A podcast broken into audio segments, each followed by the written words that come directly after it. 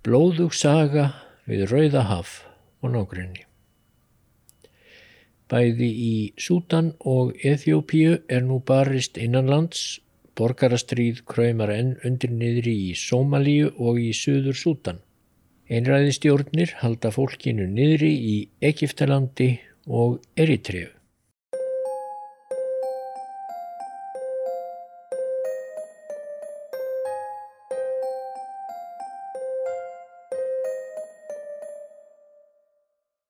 Í þessari flækjusögu verður saga ríkjana við Rauðahaf, Afrikumegin, rakin langt aftur í tíman og sagt frá helstu átökum sem einkent hafa þetta róstu sama svæði. Þessi flækjusaga byrtist í stundinni 11. november 2021 og þá byrjum við á Egiptalandi einu fyrsta og mesta menningaríki fornaldarinnar. Nílarfljót flutti frjósaman leir ofan úr hálöndum austur Afríku.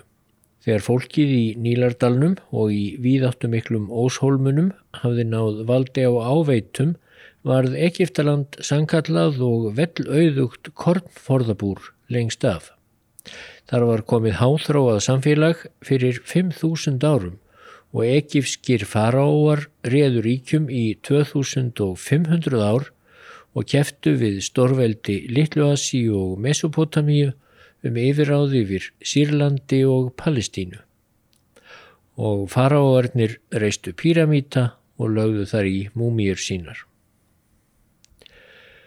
Árið 525 fyrir upphaf tímatalsokkar eða fyrir Krist Þá lögðu persar Egiptaland hins vegar undir sig og lengi síðan voru Egiptar undir stjórn aðkomumanna. Á eftir persum komu hinnir makedónsku Ptolemajar um skeið, síðan Rómverjar í 700 ár og þá tóku Egiptar kristni en um miðja sjöundu öld eftir krist byrtust Arabar og lögðu landið undir kalifa sína og Íslam tók að breyðast út um landið þá þegar.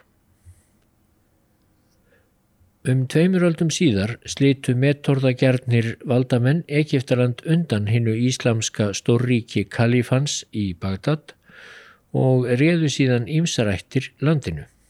Lengst Fatimítar sem upprunnir voru í Persíu og Mamlúkar, flestir Kiptjakar frá Miðasíu. Árið 1515 lögðu hinnir tyrknesku ottomanar landið undir sig og heldu því uns Napoleon Bonaparte gerði óvænta innráðs í landið frá Fraklandi 1798. Frakkar hurfuð þó á braut eftir örfá ár og albanski vesýrin Muhammed Ali braust þá til valda á Nílarbökkum þótt framanaf hétti það svo að Ali stýrði í umbóðu Tyrkja.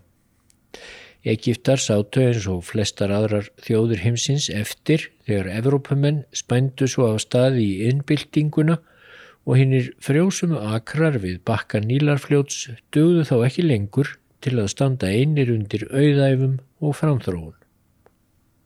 Alíættin hugðist þó ekki vera eftirbátur neins, hvorki í Evrópu nýja annar staðar.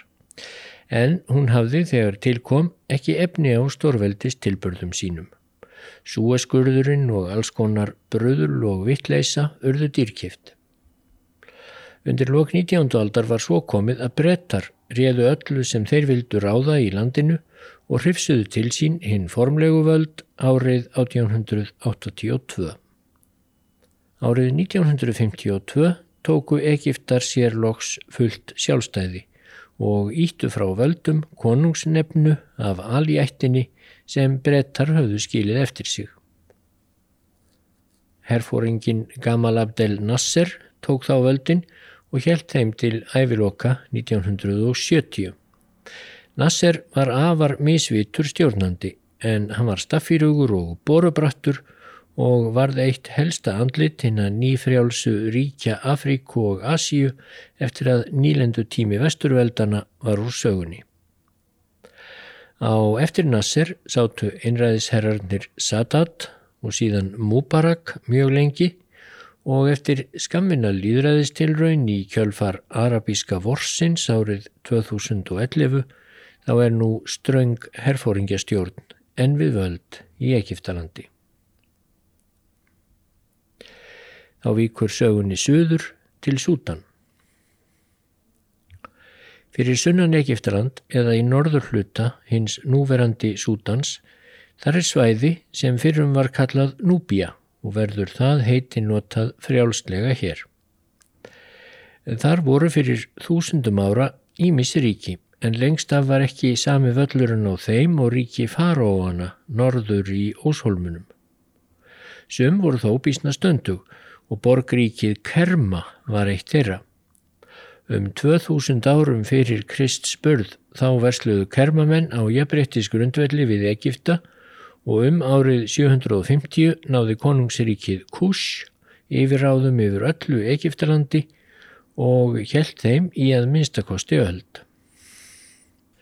En núbíumenn voru þó að lokum hraktir á brott, en lengi enn voru Kusítar samt bísnarhessir og heldu út í stöndugur ríki frá höfuðborginni Merói.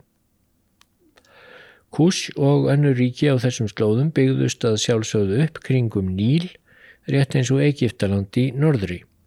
Víða var rektanlegt svæði í Núbíu þó ekki nema 100 til 200 metra breytt upp frá honni og út í eðimörkinni reikuðu svo hyrðingjar af ímsu þjóðarinni.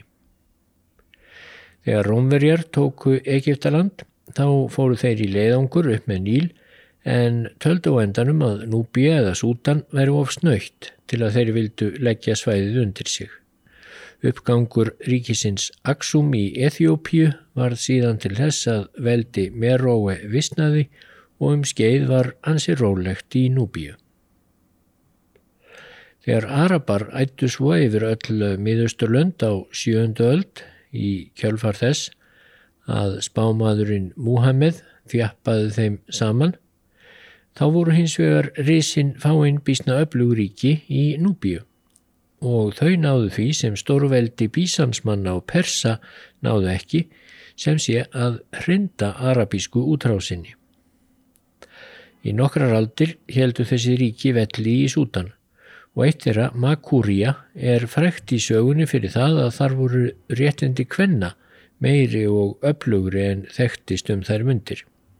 En það háði þessum ríkjum að þau voru einangruð frá kristnuríkjunum við norðanvert miðjarðarhafið bak við múslimska múrin í Norður Afríku en þau heldu þokkalega sjó þar til á síðustu miðöldum að þeim tóka hnigna og beduínar sóttu sér þá völdin vestan úr Sahara. Í byrjun 16. aldar kom svo nýrhópur úr söðri, Funch fólkið og tók yfir allan norður hluta Núbíu. Funchmenn voru engin lömb að leika sér við. Þeir hrindu átróðslu ottoman-tyrkja á 16. öldinni, rétt eins og núbíumenn höfðu áður hrundið innrás Araba. Og var nú ríki funchmanna upplugt og auðugt um skeið.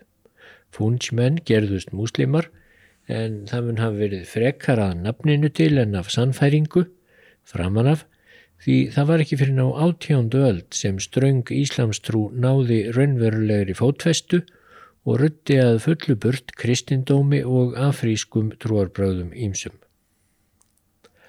En upp úr því fór veldi Soldána Fundsja, sem oft var kend við höfuborg þeirra, sennar, upp frá því fór eh, veldi þessara Soldána að hnigna sem sagt, bæði vegna einri tókstreitu og síðar langvinnra átaka við Eþjópa. Árið 1820 gerðust svo óvæntir atbyrður. Muhammed Ali, hinn nýji höfðingi Egipta, hann sendi öflugan herr söður eftir Níl og þrátt fyrir harða mótspyrnu í missa þjóða og ættbálka og leifana af sennarveldi fúnsmanna, þá höfðu Egiptar að lokum náð undir sig gríðarlegu flæmi svo ríki þeirra jafnaðist á við Vestur-Európu að stærð. Tilgangurinn var að koma Egiptalandi í hópstórvelda og alveg sérstaklega að abla þræla meðal þeirra raustu þjóða sem byggðu hýð núverandi Suðursútan. Þar í Suðurinu hittu Egiptar fyrir breska trúbóða sem voru að útbreyða kristindóm með ágætum árangri og reyna líka að bæla niður aldalanga þrælakaupmennsku og þegar leið á aldina þá jökust áhrif bretta á sveiðinu eftir því sem veldi Ali ættarinnar nignaði. Árið 1881 urðu enn óvæntir atbyrðir.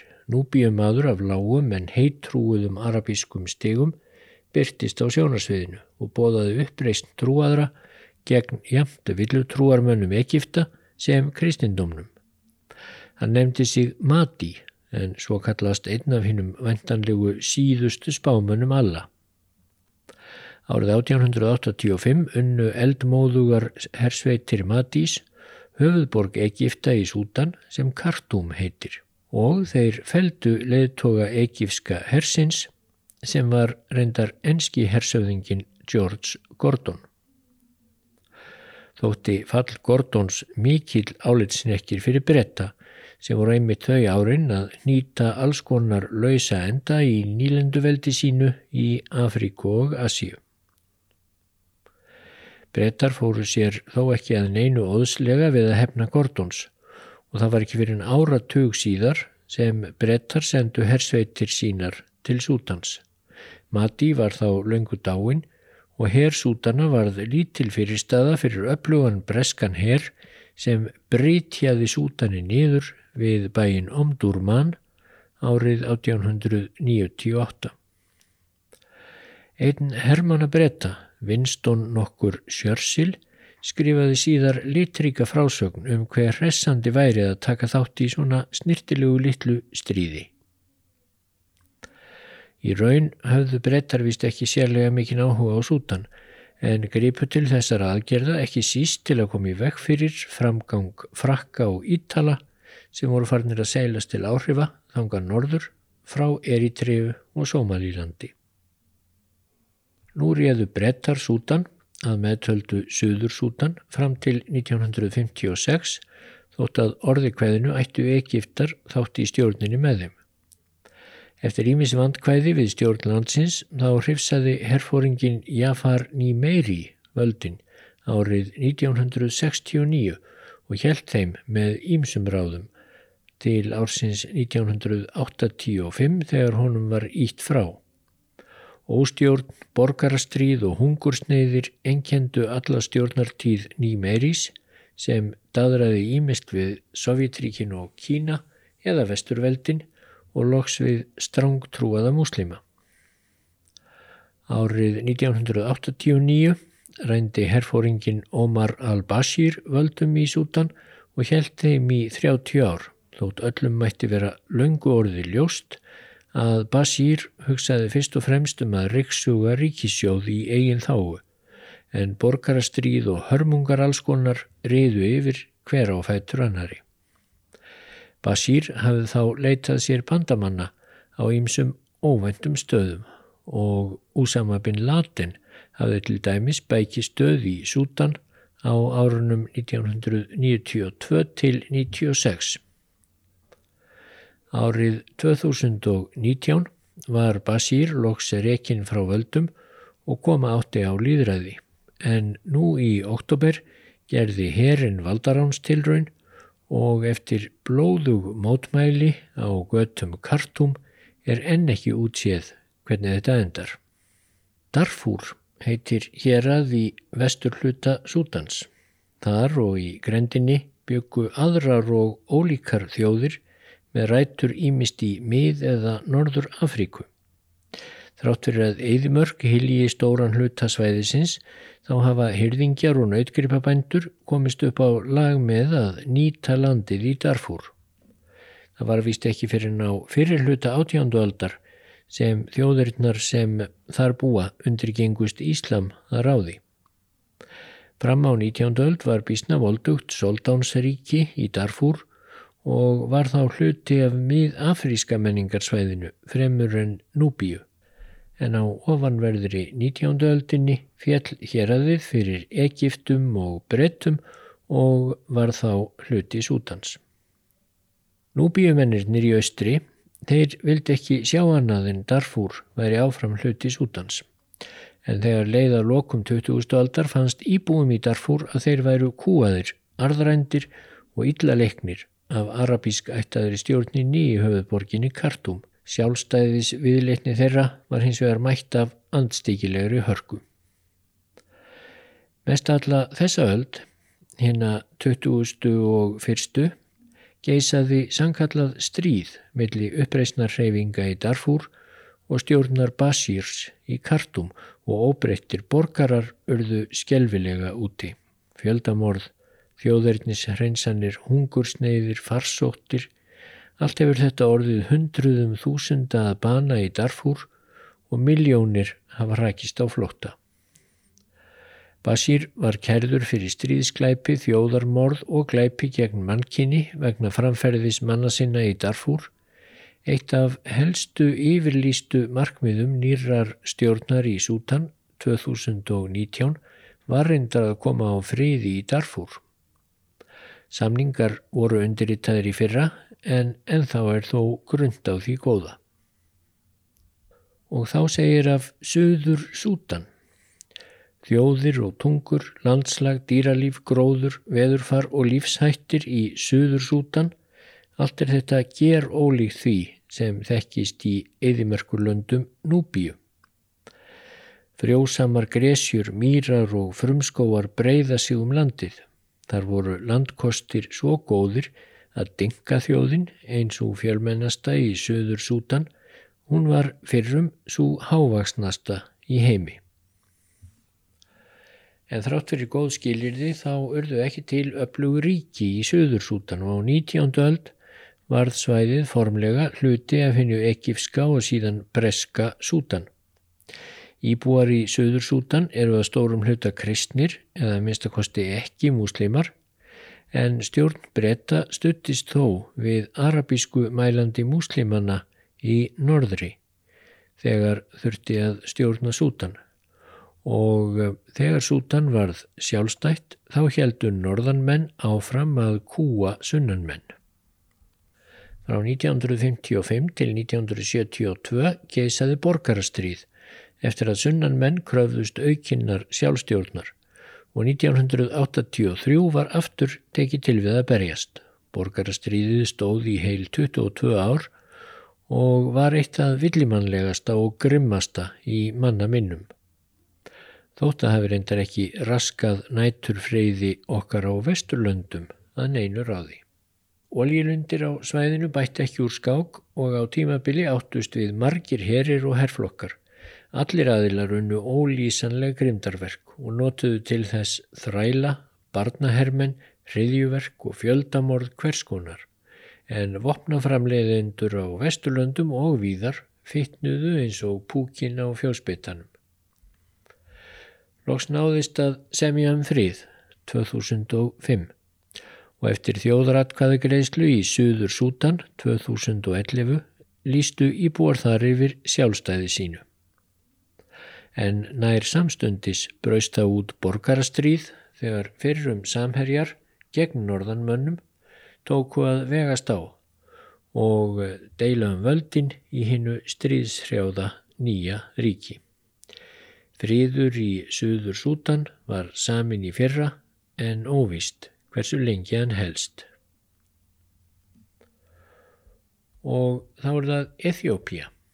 Sér hver frásögnum hýna laungu, floknu og merku sögu Eþjópiu getur aðeins farið yfir hann á hundafaði og hér verður því bara stiklað á allra stæstu steinunum. Margar þjóðir byggja þetta fjöllótta og fjölbreytta svæði og eru sumar lítið ekki skildar innbyrðis.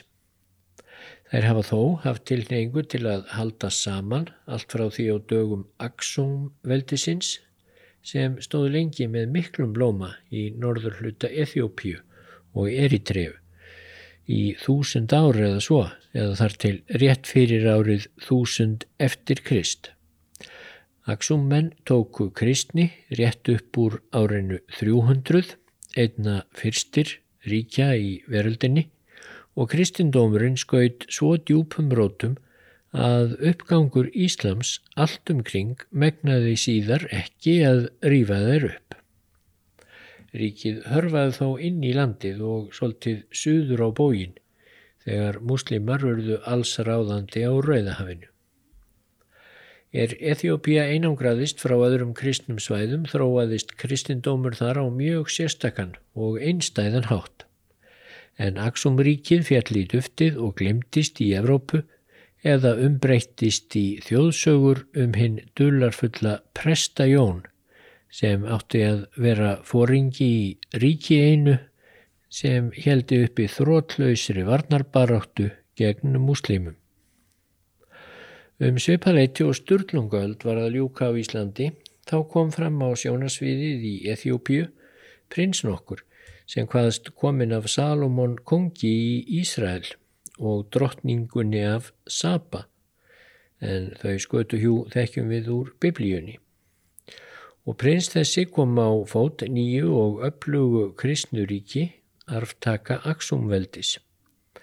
Prinsinn tók sér keisarnafn og skemst er frá því að segja að ætt hans reði síðan ríkjum í Eþjópíu í 700 ár.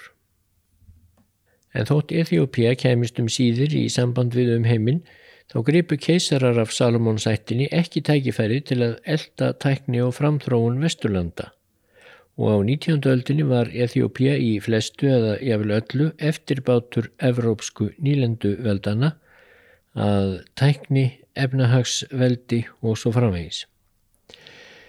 Evrópumenn letu þó landið í friði, bæði vegna þess að þar voru kristnir menn við stjórn en einnig vegna þess að það var þrátt fyrir allt bísna yfir þyrmandi tilhúsun að sigra og stýra þessu rísavaksna og fjölmenna svæði. Fasista stjórn eh, Mussolinis á Ítalju náði Eþjópíu að vísu fyrir hafna lítið árið 1936 en það máttu spjótarleiðar Eþjópíska keisarans Haile Selassie sín þá lítils gegn velvættum herjum Ítala. Eftir fall Mussolinis tók Haile Selassie aftur við völdum en var hrakinn frá 1974 og var stjórn hans þá orðin verulega feiskin, gagslaus og smáð. Marxísk herfóringjastjórn tók við og hugðist nútímavæða fúið ljansveldið en tókst ítla til því miður og glegstamerkið var skjelvileg hungursneið sem geysaði á árunum 1983 til 1985. Mengistu, stjórnandi herfóringjastjórnarinnar í Eþjópíu, hann var loks sviftur völdum 1991 og flúði þá undan ákærum um þjóðarmorð til Zimbabwe. Komið var á breyðri samstöðu helstu þjóða og stjórnmálarhefinga í Eþjópíu og hún reyði svo landinu til 2018 en leistist á upp. Innanlands tókstreita ólíkra þjóða hafi farið vaksandi, grimmilegum ofbeldisverkum fjölgaði og átök brutust út við Sómali. Í fyrra 2020 hófst svo borgarstríð þegar sjálfstæðishreyfing í tíkræði hér aði gerði uppreist og virðist njóta verulegs fylgis á svæðinu en stjórnin í höfuðborginni Addis svarar af hörku. Það er beinleginis skjelvileg tilhugsun ef allsherjar borgarstríð brýst út í Eþjópíu og flest er tilvinnandi að koma í veg fyrir það. Og þá vikur sögunni frá Eþjópíu í Hálöndunum í Östur Afríku og til Eritrefu við strönd Rauðahafsins. Saga Eritrefu fyrir á tíð var að mestu samofin sögu Eþjópíu. Á tóltu öld reys upp á svæðinu Kristið ríki sem nefnt er Medri Bari og það kefti þegar best létt við Eþjópíu en fór svo hægt hnignandi fram á 19. öld. Eftir að Ítalija saminjaðist í Evrópu árið 1861 vildu mektarmenni í Róm endilega taka þátt í kaplaupinu um nýlendur í Afríku og Ítalir kiftu sér því spildu á Rauðahafsströndinni og nefndu Eritrefu en það mun vera latneska heitið yfir Rauðahaf. Þar byggu ekki síst tígrínar og tígrar sem eru náskildir tígræjum í Eþjópju. Smátt og smátt jöku Ítalir við lendur sínar við Rauðahafið og hikuð ekki við að beita hervaldi uns eh, stór ný nýlenda var komin á fót við strandlengjuna árið 1890.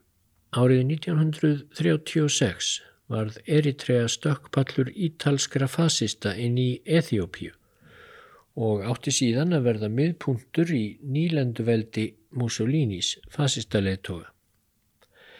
Þegar veldi Mussolinis fjall 1942 tóku brettar við stjórn og saminuðu þjóðurnar ákváðu 1950 að svæðið skildi falla undir Eþjópíu.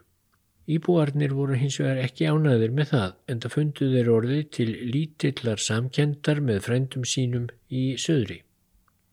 Sjálfstæðisreyfing Eritreu spratt upp 1961 og eftir baráttu og stríðsátök í 30 ár þá varð Eritrealogs sjálfstætt ríki.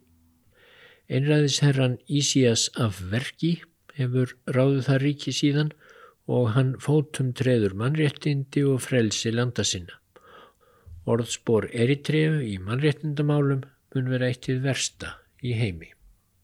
Og þá vikjum við að smáríkinu Djibouti. Það á tilveru sína sem ríki að þakka því að 1862 vildu frakkar koma sér upp kólabyrðastöð við minni Rauðahafsins af því að fyrir sjáunlegt var að bráttir því súeskurðurinn opnaður. Þá myndu siglingar aukast mjög um svæðið og frakkar vildu ekki vera komnur upp á bretta um kól ef til stríðskæmi millir hinn að fornu fjenda. En brettar reyðu þá höfnin í Aten í Jemen.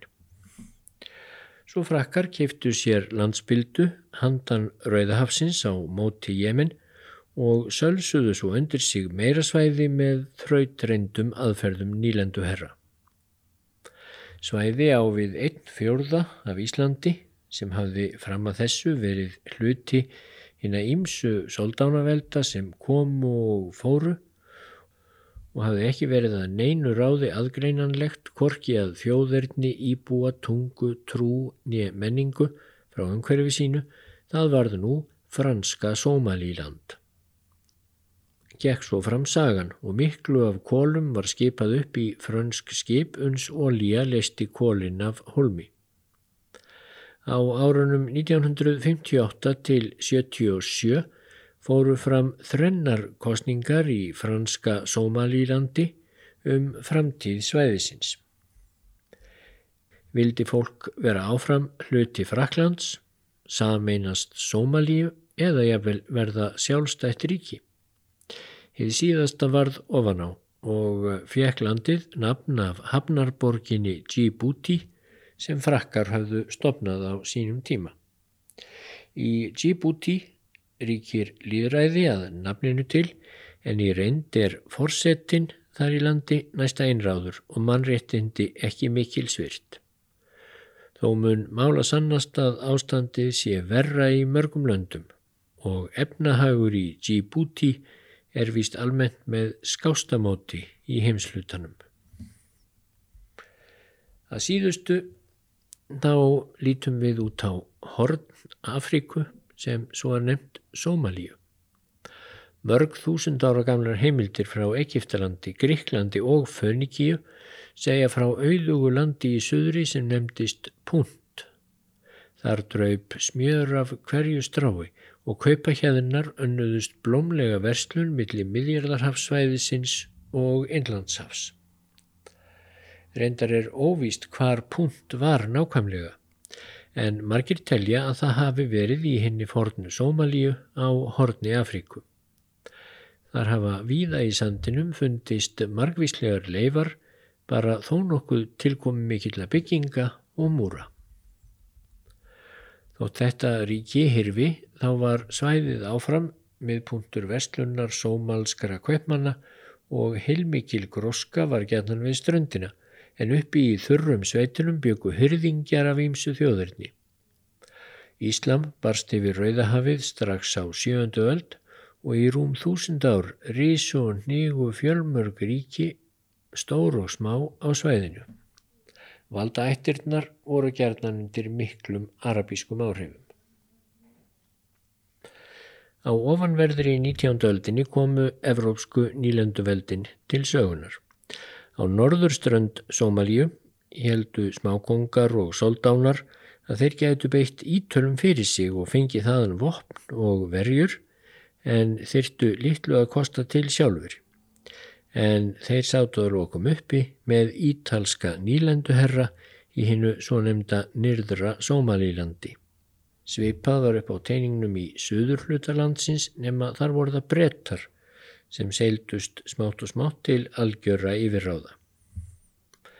Nýlenduherrarnir hyrtu lítum að byggja upp innviði í landinu og þegar Sómalía fekk sjálfstæði 1960 undir leiðsögn saminuðu þjóðana var svæðið ílla á sig komið. Árið 1969 tók herfóringjastjórn völdin og Mohamed Siad Barre ríkti samfleitt til 1991. Siad Barre var hræðilegur stjórnandi og stóð fyrir stríði við Eþjópíu og grimmilegum fjöldamorðum ekki síst á Ísak þjóðinni 1987-89 en allt það let umheimurinn sig einu gilda. Margar vopnaðar uppreysnarhefingar spruttu fram gegn Barre og þegar honum var loks komið frá völdum má segja að Sómalíu hafi sundrast í þúsundmóla og börðust nú allir við alla um skeið. Í gamla ítalska Sómalíland á norðurströnd Sómalíu sagði sig þá úr lögum við afgang Sómalíu og hefur síðan litið á sig sem sjálfstætt ríki en reyndar ekki öðlast alþjóðlega viðurkenningu. Þó hefur fríður að mestu ríkt í Sómalílandi og stjórnarfar verið bísna stöðugt. Þar fara meira að segja fram nokkuð líðræðislegar kostningar. En akkurju hafa Íslendingar ekki viðurkent þetta svæði sem sjálfstætt ríki? En í söðrinu í gamla Breska Sómalílandi heldu ættbálkahöfðingjar, stríðsherrar og hreinræktaðir glæpamenn aftur á móti út yngaherjum og íslamskir hriðjuverkamenn bætti ekki úr skák. Saminuðu þjóðurnar með bandaríkjumenn í brotti fylkingar reyndu að stilla til friðar en gerðu bara ílt verra, sjá til dæmis kveikmyndina Black Hawk Dawn frá 2001. Úti fyrir ströndum réðust sjóræningjahópar á smábátum svo til uppgöngu og flutningaskip á leið til og frá Rauðahafinu. Síðasta áratugin áþó að heita að friður hafi ríkt í Sómalíu. En hversu lengi sá friður helst, það vitum við ekki.